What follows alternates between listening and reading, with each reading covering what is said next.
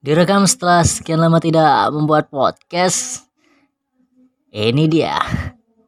Kolom netizen.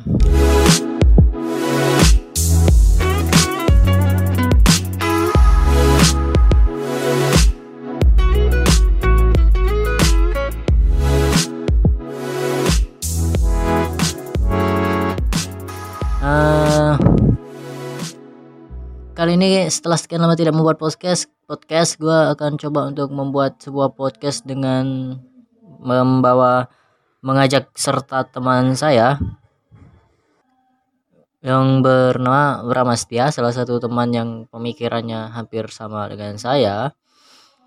Jadi yang akan saya bahas adalah mengenai trailer film atau cuplikan film KKN Desa Penari. KKN Desa Penari di mana kita akan coba untuk mengulas beberapa hal yang menarik dari trailer tersebut tapi terutama dari kata-kata peson viral sensation yang dia tulis dan beberapa komentar dari warga warga net ada yang setuju ada yang tidak ada yang pro ada yang kontra. Jadi kita akan membahas hal tersebut dari pandangan kami berdua. Dan ini gue coba untuk menghubungi dia Oh ya ini disclaimer dulu perhatian dulu eh, peringatan dulu. Kalian yang saya sarankan mendengarkan ini menggunakan earphone, headset, handset, headset atau headphone. Karena saya merekam ini tidak secara langsung tapi melalui eh, telepon. Sehingga suara dari Bramnya agak sedikit kecil. Let's see. Mana tadi? Pemimpin Halo, lagi bersama Sul- Sultan Melayu Empire. Kok bikin kerajaan? Parah parah. Pakai bahasa Palembang ya? Jangan, pendengar aku internasional Yes. dari Right. Sunda Empire, dari Keraton Agung Sejagat. Halo. Halo. Nah, Pakai bahasa lu gua ya? ah, ya, serah. Aku, aku, kamu, jangan geli.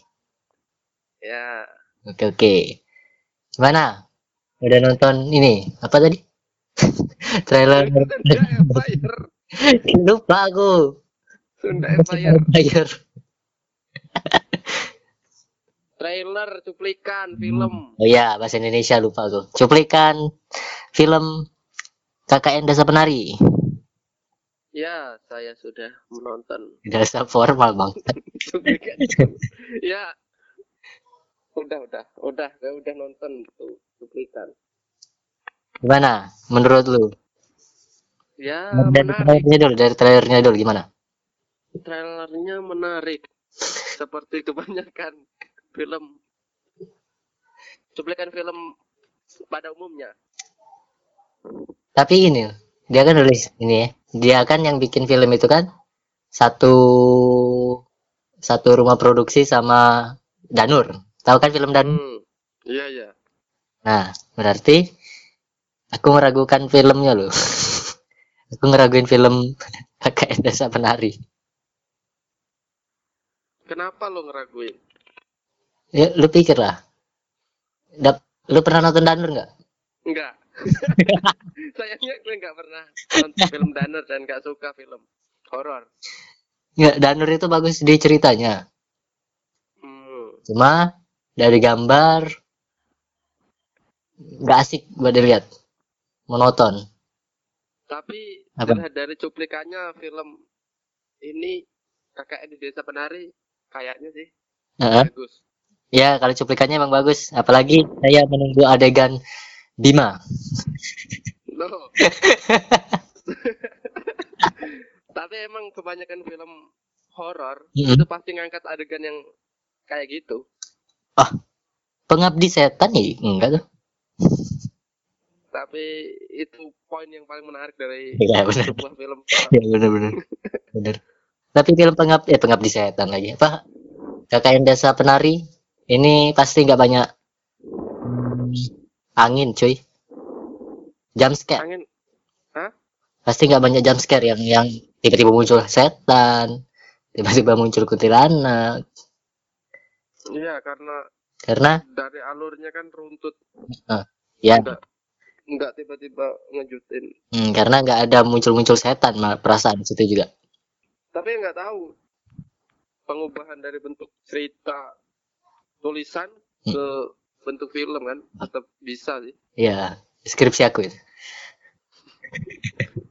siapa lagi tapi ini loh, tapi janganlah. Lebih bagus film horor sekarang tuh kebanyakan yang akhir-akhir ini muncul jarang-jarang ada yang jump scare jump scare. nah itu udah beralih ke bentuk baru Nah, Tapi kita nggak ngobrolin alur KKN Dasa Penari. ya ya Kita ngomongin ngomongin salah satu tulisan yang muncul di awal-awal trailer itu. hmm. Based on viral sensation. bukan based on true story Bukan based on true story. Jadi berdasarkan eh, apa tadi? Apa sih artinya? Ah, Based on viral viral sensation. sensation. Berdasarkan sensasi yang pernah viral. Nah, iya ya Nah, kan di situ aku lihat komen di hari-hari pertama di hari-hari pertama trailer itu muncul. Banyak yang bilang gini.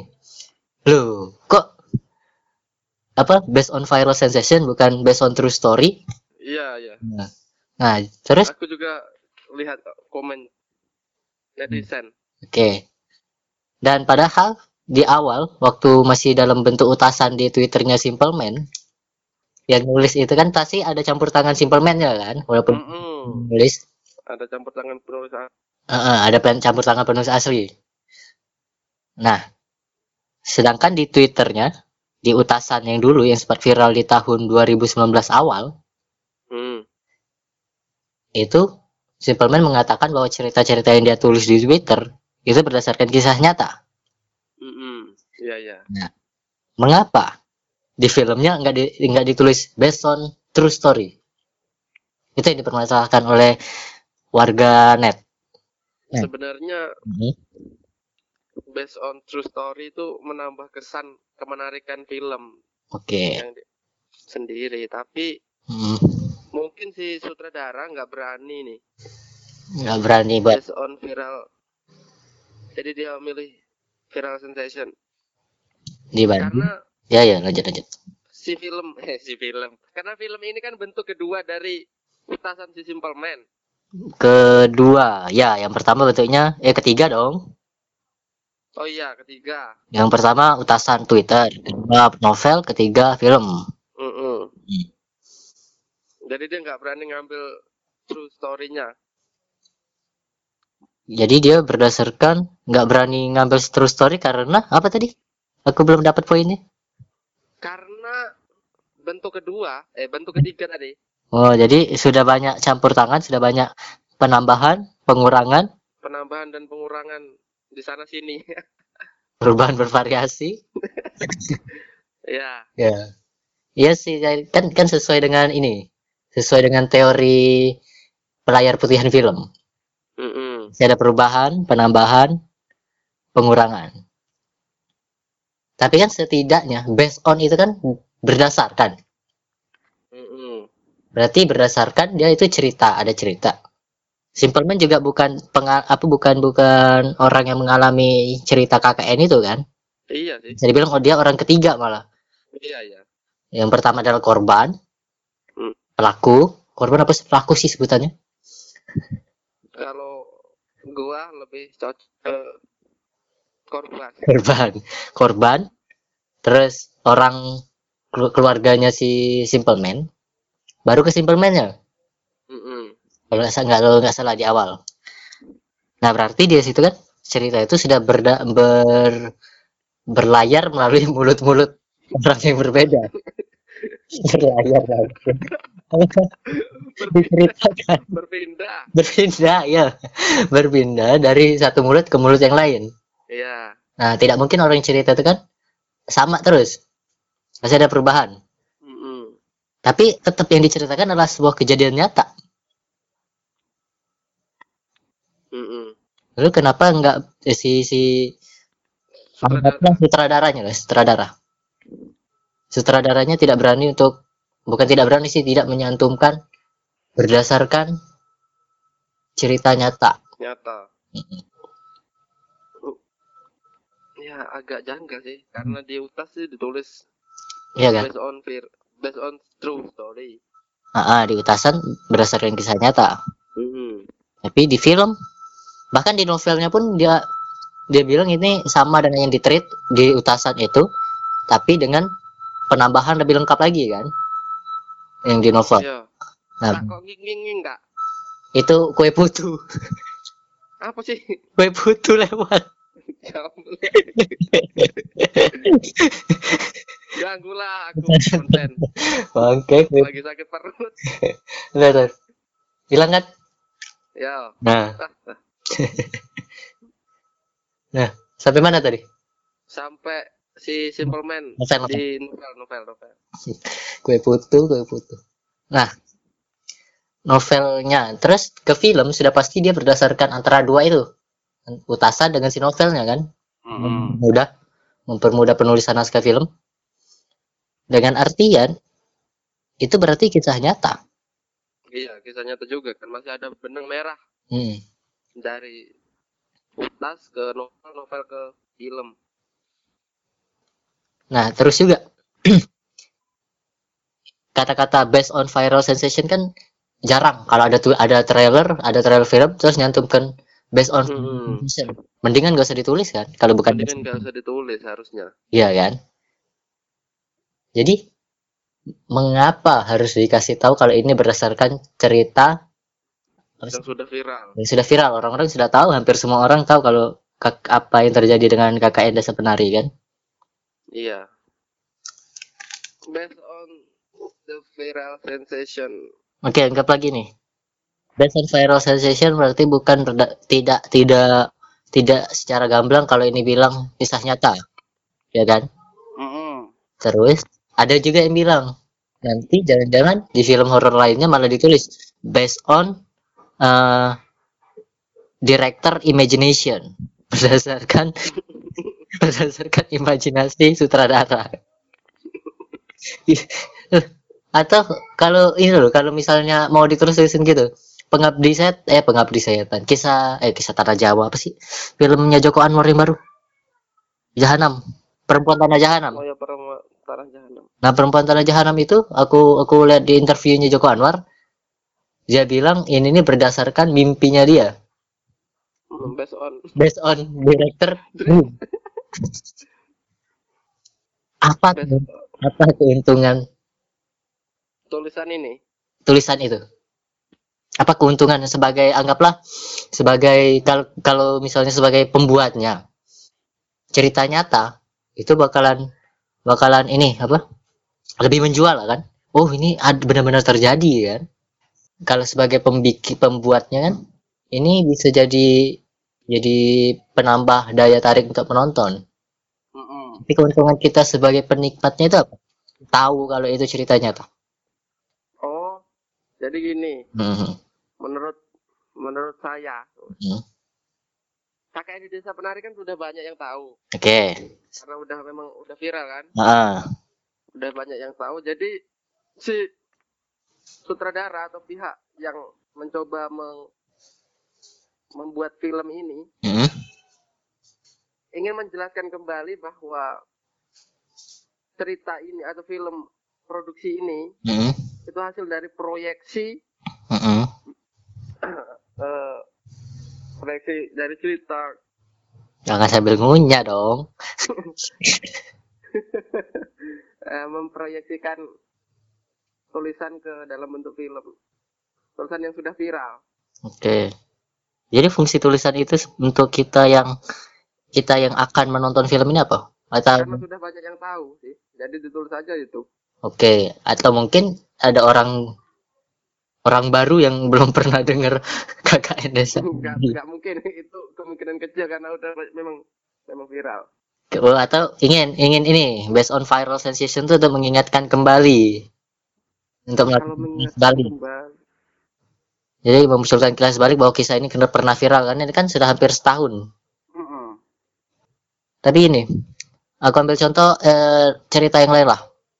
Cerita-cerita bukan KKN Desa Penari yang yang yang lain. Eh, ini Dilan, Dilan, Dilan. ya Dilan Jauh ya. Dilan. Nah, Dylan ini kan sama sekali tidak pernah mencantumkan berdasar mencantumkan kalau dia ini berdasarkan kisah nyata atau hanya fiksi. Mm-mm. Tapi orang-orang adik-adik SMA yang menonton film itu mengumumkan bahwa Dylan ini tokoh Dylan itu Benar nyata. ya adalah Bidi Baik itu sendiri atau kerabatnya Bidi Baik. Nah seolah-olah ini nih poinnya seolah-olah bahwa based on true story itu sesuatu yang penting gitu. Sebuah cerita kalau ada label based on true story itu jadi penting. Menurutmu sendiri deh, menurut lu sendiri. Sepenting apa kita tahu sebuah cerita itu nyata atau tidak? Kalau untuk bentuk horor itu memang beda. Oke, tuh. Kalau- Oke. Ya, untuk bentuk horor itu jelas beda kan. Kalau ada based on true story itu eh, menambah kesan kemenarikan sendiri di Hmm. cerita horor. Oh, apalagi kita kan masih masih ini ya. Masih hobi dengan sesuatu yang klinik. Mm-mm. Oke. Jadi Karena kita seperti tidak masuk akal, loh, ternyata ada yang kejadian seperti ini gitu. kan. Itu efek yang diharapkan. Nah iya, budaya kita masih seperti itu. Oke. Make sense, make sense. Tapi ini, ini loh, eh, apa sih? Pram, bukunya Pram, yang film Bumi, bumi Bumi manusia.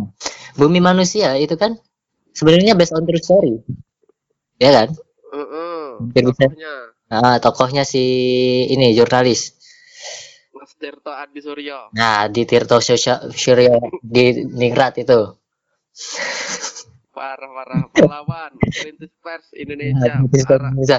Mas Tirto Adi Suryo yang namanya Ya, dipakai sebagai salah satu portal berita Tirto ID. ya, ya, betul betul. Mantap nggak lu? Boleh juga. Lu. Tapi Pram tokohnya apa ceritanya yang dia berdasarkan true story? Perasaan ceritanya Tokoh. Tokoh dan sebagian kisah lah. Nah. Kisah hidup. eh. Nah, baik Pram maupun siapa sutradaranya kemarin? Bi- Bidi baik. Hanung Pidi baik bukan ya Anung. Hanung Hanung Bramastya Ya, saya sendiri. itu tidak menjual siapa sih Bumi Manusia nama tokoh utamanya siapa? Mingke. Minke Minke itu kan berdasarkan si Mas Tirto itu. Tapi dia sama sekali tidak menyantumkan bahwa based on True. true karakter atau based on true story atau penulis lama Ya karena genrenya kan beda kan hmm. dari horror da horror, Mm-mm. horror dan itu. oke itu kalau horor kalau horor dan apa genre genre Bumi Manusia itu lebih ke sosial politik Hmm. Sosial lah sosial Novel dan roman. Heeh. Nah, gimana kalau yang full romance? Full roman itu nggak penting Nggak penting ditulis. Iya, tidak terlalu penting. untuk tahu itu kisah nyata atau bukan. Mm-mm. Menurutmu nggak penting ya? Nggak penting kalau menurutku. Oke. Karena Heeh. roman itu kan kisahnya bisa meliuk-liuk. Nah, semakin meliuk-liuk semakin menarik. Nah, gimana kalau aku bilang gini? Kalau kisahnya meliuk-liuk, terus meliuk-liuk, bahasamu bangke meliuk-liuk. Ceritanya meliuk-liuk. Tapi terus dibilang, ini ini kisah cinta saya beneran beneran seperti ini loh. Itu berarti kan, loh ternyata ada yang sengenes ini atau sesusah ini memperjuangkan. Ya jarang. Satu banding seribu. Wah, Yang seperti itu kan. buku Raditya Dika. Jadi nggak Bersama nggak terlalu penting itu tadi. Makanya nggak terlalu penting kan. Boy Chandra, terus Wiranagara, buku Hmm. senja-senja itu, Ya, ini home. ini buku senja indie itu, itu kan secara tidak langsung mereka bilang kalau itu ada kisah nyata. Oke, jadi kita ambil poin dulu kita tarik kesimpulan bahwa untuk horor kita fokuskan ke horor Hmm. based on story itu penting. itu penting untuk menambah daya tarik penonton Mm-mm. karena banyak penonton Indonesia yang masih suka hal-hal klinik Iya, betul sekali. oke benar oke oke masuk akal sih karena banjir saja dikaitkan dengan hal klinik. Ya, apalagi sekarang sekarang kan muncul kerajaan kan. kenapa kenapa balik ke aja Mengingat kita. kenapa bahas dinasti warrior ini kenapa di dinasti warrior astaga. Ya, nah gitu oke. Kembali ke laptop. Lo tau nggak kenapa gua bahas seberapa penting seberapa Yes. penting based on true story nih? Ada Nggak tahu. ada tahu, satu tahu. kejadian nyata Hmm. bukuku sekolah kami tidak berhenti sampai malam Ya, yang bisa dibeli di Bakbook ID ya promosi nih berarti. dan nggak membelinya. Ya. Nah itu selalu ditanya kepada oleh setiap orang yang membeli setiap Mm-mm. oleh setiap orang yang membeli bahwa ini berdasarkan kisah nyata tidak sih itu Nah, itu itu tadi. itu tadi karena Tapi true story itu menjual. hmm. tapi ini perasaan pribadi aku sebagai yang nulis Hmm. aku merasa risih kalau ditanya ini berdasarkan kisah nyata tidak sih Berarti hal-hal yang berbau horor, berbau klinik, berbau dunia lain Mm-mm. itu lebih menantang untuk dibaca atau diketahui publik dengan based on seberapa story. nyatanya dia Ya, seberapa nyatanya cerita tersebut. padahal kalau kalau ah, lu belum baca juga bukuku parah parah nah sebab apa ya? karena mau terbit buku keduanya iya iya iya. Ya. Ada spoiler tuh dikit Jadi aku buat punya alasan untuk tidak membeli. tapi membeli buku keduanya Lah kan udah di spoiler. kan dikit pokoknya ada sekolah yang setiap lantainya dia ini sekolah yang kalau lu cuma dua lantai dua lantai sekolah dua lantai Oh, yang saat entah karena kejad eh, entah karena apa dia saat ada orang-orang si tokoh pemainnya ini dalam novel ini naik ke lantai dua oh. dia terjebak di situ saat turun balik lagi ke sana naik balik lagi ke sana Terjebak di lantai dua. ya Ya, terus? Nah, itulah kenapa namanya sekolah kami tidak berhenti kan. Jadi tidak ada ada ada circle di situ. Dia tidak bisa nemuin ujung dari lantai itu. Boleh, boleh. Menarik juga ya. Nah, iyalah aku kan pinter. Nah, terus Itu nggak bisa keluar dari situ dalam bentuk fisiknya atau Fisik. hanya ingatan? fisik fisik. Oh, fisik. Dan sebagaimana cerita-cerita horor, kalau kalau kan kalau ada orang nih, anak-anak Hmm. atau siapa pun diculik oleh makhluk gaib, Hmm, hmm. dia ngerasa cuma beberapa saat kan, tapi Ya, kenyataan berapa ada yang seminggu, ada yang berapa ada berapa hari itu kan? Ya ada yang berapa bulan. Heeh. Nah, itu aku terapkan di situ. Aku aku terapkan di ceritaku. Nah. Ini intinya gini loh, itu kan nggak logis. Itu kan tidak logis. Orang yang menanyakan ini kisah nyata nggak sih kan sudah baca, sudah punya bukunya nih. Hmm. Dia sudah baca sampai selesai. Ya. Terus kan bisa dipakaikan logika oleh mereka. Nggak mungkin lah aku mengalami kisah seperti itu yang sangat amat mistis sekali. Terus dengan santainya aku tulis. Loh, kan tokohnya kan bukan lu sendiri. Nah iya, Bisa jadi gue bisa jadi berdasarkan kisah kawanku. Hmm, Oke boleh sih, tapi agak aneh. Aku aku, aku merasa risih loh karena gini. Nggak tahu mungkin karena kita belajar. Kita kan jurusan yang berkecimpung di dunia tulis-tulisan. Tulis menulis ya. tulis menulis ada satu dosen suhu Hmm. suhu kita itu pernah bilang Nah, eh, sebuah cerita, cerita fiksi, Sefiksi-fiksinya. ya itu, itu salah satu fiksi fiksinya fiksi harus masuk akal. Masuk akal berarti berdasarkan pengalaman dari si penulisnya kan? Tidak berlaku untuk dunia horor. nah itu harusnya ada terusannya. Ya. Terkecuali untuk dunia gaib. Eh, masa gak bisa turun? Jadi ini berdasar apa fiksi fiksinya fiksi harus tetap masuk akal masuk Masuk akal. berarti harus berdasarkan pengalaman nah berdasarkan pengalaman dengan artian ada ada kenyataan yang dibawa ke cerita entah itu sedikit atau banyak Iya. benar kan? Sesederhana tulisan sesederhana pun apa seseder sesederhana apa pun sebuah tulisan pasti ada kisah nyata dalamnya kan? Iya betul. betul kan? Karena kita nggak bi- nggak bisa nggak bisa pure 100% pure. Tidak bisa murni 100% menaruhkan sebuah kisah itu fiksi semua hayalan semua pasti ada kisah nyatanya. Nah itulah kenapa aku risih dengan kata-kata based on true story itu penting karena sudah pasti ada true story di dalamnya Tapi lu nggak bisa risi karena sudut pandang lu sebagai penulis Mm-mm. kan sudut pandang pembaca kan beda lagi. Itu penting. Mm-mm.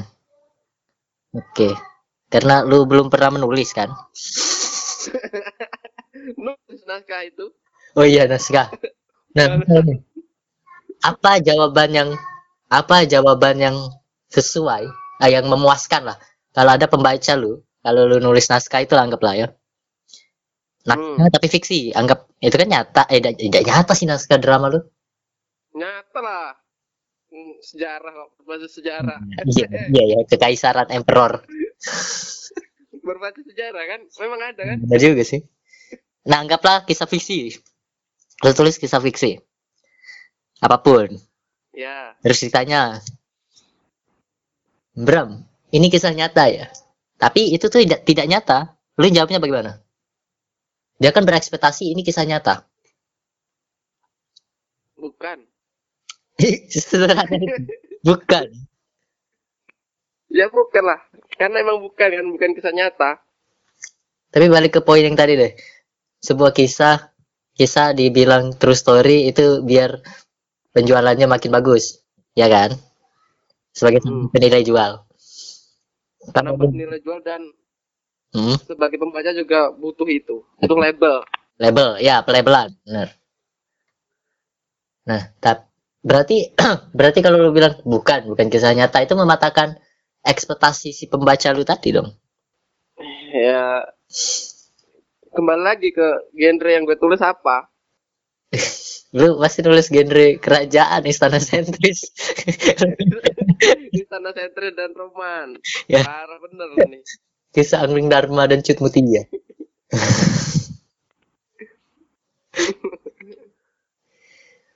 Tapi gini itu itu aku aku sampai sekarang belum ketemu ketemu jawaban yang pasti. Ini waktu ditanya ini kisah nyata atau bukan? Yang sekolah kami tidak berhenti sampai malam itu. Nah, se- sekarang gue kasih clue. Oke, clue, clue, clue call. clue. Baca clue. apa apa? Se- sekarang gini, Mm-mm. pembaca pembaca buku atau novel bergenre roman Iya. dengan pembaca bergenre horor tadi itu menganggap kalau yang genre roman ini Mm-mm. pembacanya Mm-mm. itu menganggap bahwa based on true story itu nggak terlalu penting Karena sedangkan yang horor itu butuh atau menganggap ini penting karena Mm-mm. menurut gue, gue karena menurut gue, menurut gue itu tadi minim minimnya pengetahuan kita tentang hal-hal yang berbau goib. Jadi sesuatu yang berbasiskan pengalaman nyata atau pengalaman asli itu sangat penting melabeli novel bergenre horor. Sedangkan yang roman ini kan dunia kita nih, dunia kita hidup se- sehari-hari, jadi nggak terlalu penting. Hmm. Ya ya ya ya. Tapi gini sih, eh ceritaku kan tidak 100 tidak mungkin yang seperti gue bilang tadi, tidak mungkin 100% fiksi. Ada kisah Mhm. masuk kan. Termasuk ada adegan ada adegan waktu di kelas ada tem satu orang lagi Mhm. pelajaran tambahan. Mereka ini kan mau UN, jadi ada pelajaran tambahan. Iya. Dia ini bosen, Terus ngelamun. bukan berencana karena sekolahnya ini memang dari awal ada ada eh, ininya cerita-cerita apa Berbau berbohong. mistis. Ya, sekolah ini ada kisah mistisnya dulu, ada orang yang bunuh diri di situ segala macam lah. Mhm. Nah, dia ini pura-pura mau kesurupan. Terus Kesurupan terus bilang kalau keluarlah dari sekolah ini. Jangan sampai sore karena kami mau pakai. Si ya terus Nah, mau ngomong seperti itu. Karena emang itu, nah yang itu, kejadian itu, itu berdasarkan kisah nyata yang terjadi beneran di aku waktu sekolah. oh Sekolahku, kata gu- guru, itu kan, kalau siang, pagi sampai siang dipakai oleh makhluk yang berwujud, sorenya dipakai oleh makhluk makhluk yang halus halus itu. ya pakai skincare. Wah, wadau, wadau, wadau. Jadi saat, nah kejadian temanku mau pura-pura kesurupan itu beneran. Cuma bedanya, ku tambahin ini, ku tambahin apa? eh hayalan, tambahin, nambahin fiksi-fiksi yang lain. Setelah dia pura-pura kesurupan, kalau ya kalau kenyataannya kan nggak diwujudkan beneran dia kesurupan. Tapi di buku itu kutulis dia pura-pura kesurupan, Terus tiba-tiba dia loncat dari lantai dua dan mati. Hmm. Oke, jadi satu-satunya hal yang ku bilang ke orang kalau ini berdasarkan kisah nyata nggak? Ku bilang ini berdasarkan kisah nyata. Beberapa Kenapa enggak? Kenapa enggak lu bilang combine? combine. Ya kan kalau combine, combine. Kat, ini aku bermain ini apa eh, teknik psikologi. Kata pertama yang didengar oleh seseorang itulah yang dia paling percaya. Terus Jadi aku bilang, ini kisah nyata. Beberapa. parah. aku tidak bohong kan? itu tidak ada kebohongan di situ. Memang beberapa kisah nyata. Ada penampakan, orang lihat penampakan. Lo aku bikin buku itu riset loh. Aku tanya-tanya ke orang. Penampakan apa dulu di sekolah mereka. Eh, parah itu branding yang berdasarkan ke kebohongan. Tidak kebohongan. Berdasarkan kisah nyata. Beberapa. Bukan inti ceritanya. Ya, ya. Oke, balik ke persoalan. Based on true story. Berarti kita ada persilangan pendapat. Ya. Iya. Karena yang saya pakai adalah sudut pandang saya sebagai orang yang menulis cerita. Lu risih kan kalau ditanya ini berdasar kisah nyata apa enggak? Hmm, aku risih. Karena buat apa kita tahu itu kisah nyata atau bukan? Sebagai da- eh, dari sudut pandang penulis. Nulis, orang yang nulis. Kalau gue dari sudut pandang membaca penting karena minim kan sebagai seorang pembaca minim pengetahuan tentang dunia dunia Gaib. lain. Oke. Jadi wah ini pengalaman ini benar apa enggak sih? Oke. Jadi ini penting untuk seorang pembaca. Hmm, benar-benar. Aku ini sih, kenapa aku risih dan aku bilang buat apa kita tahu cerita nyata karena sastra itu adalah eh sastra lagi kejauhan. Sebuah cerita, cerpen, novel itu adalah bentuk pelarian dari dunia nyata. Ya, Kalau kita bosen, kalau aku sih, kalau aku bosen aku baca, mau seabsurd apa pun cerita aku anggap itu kenyataan.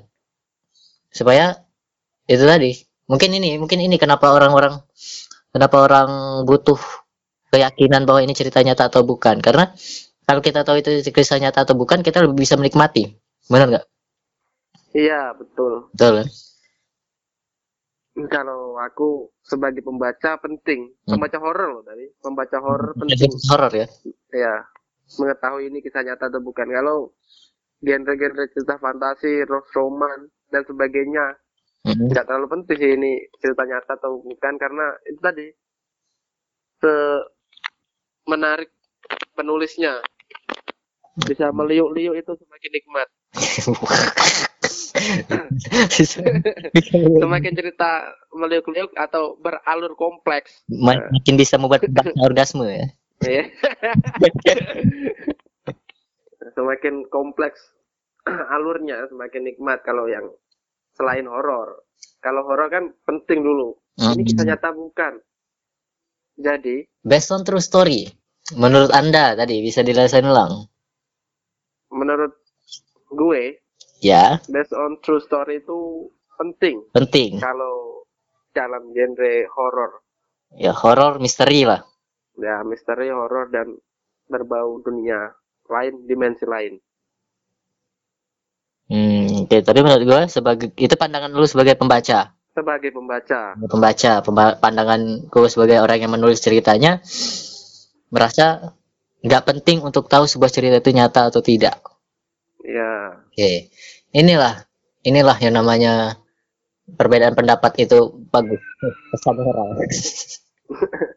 ya beda sudut pandang Ya, antara pembaca dan Penulis. pembuat Pandang cerita, ya penulis. Nah itu perbedaan pendapat itu harus disikapi dengan mantap bukan urusan. Nah jadi itulah pandangan gue dengan Bram tentang kata-kata based on true story dan based on viral sensation. Menurut kalian seberapa penting dua kata itu?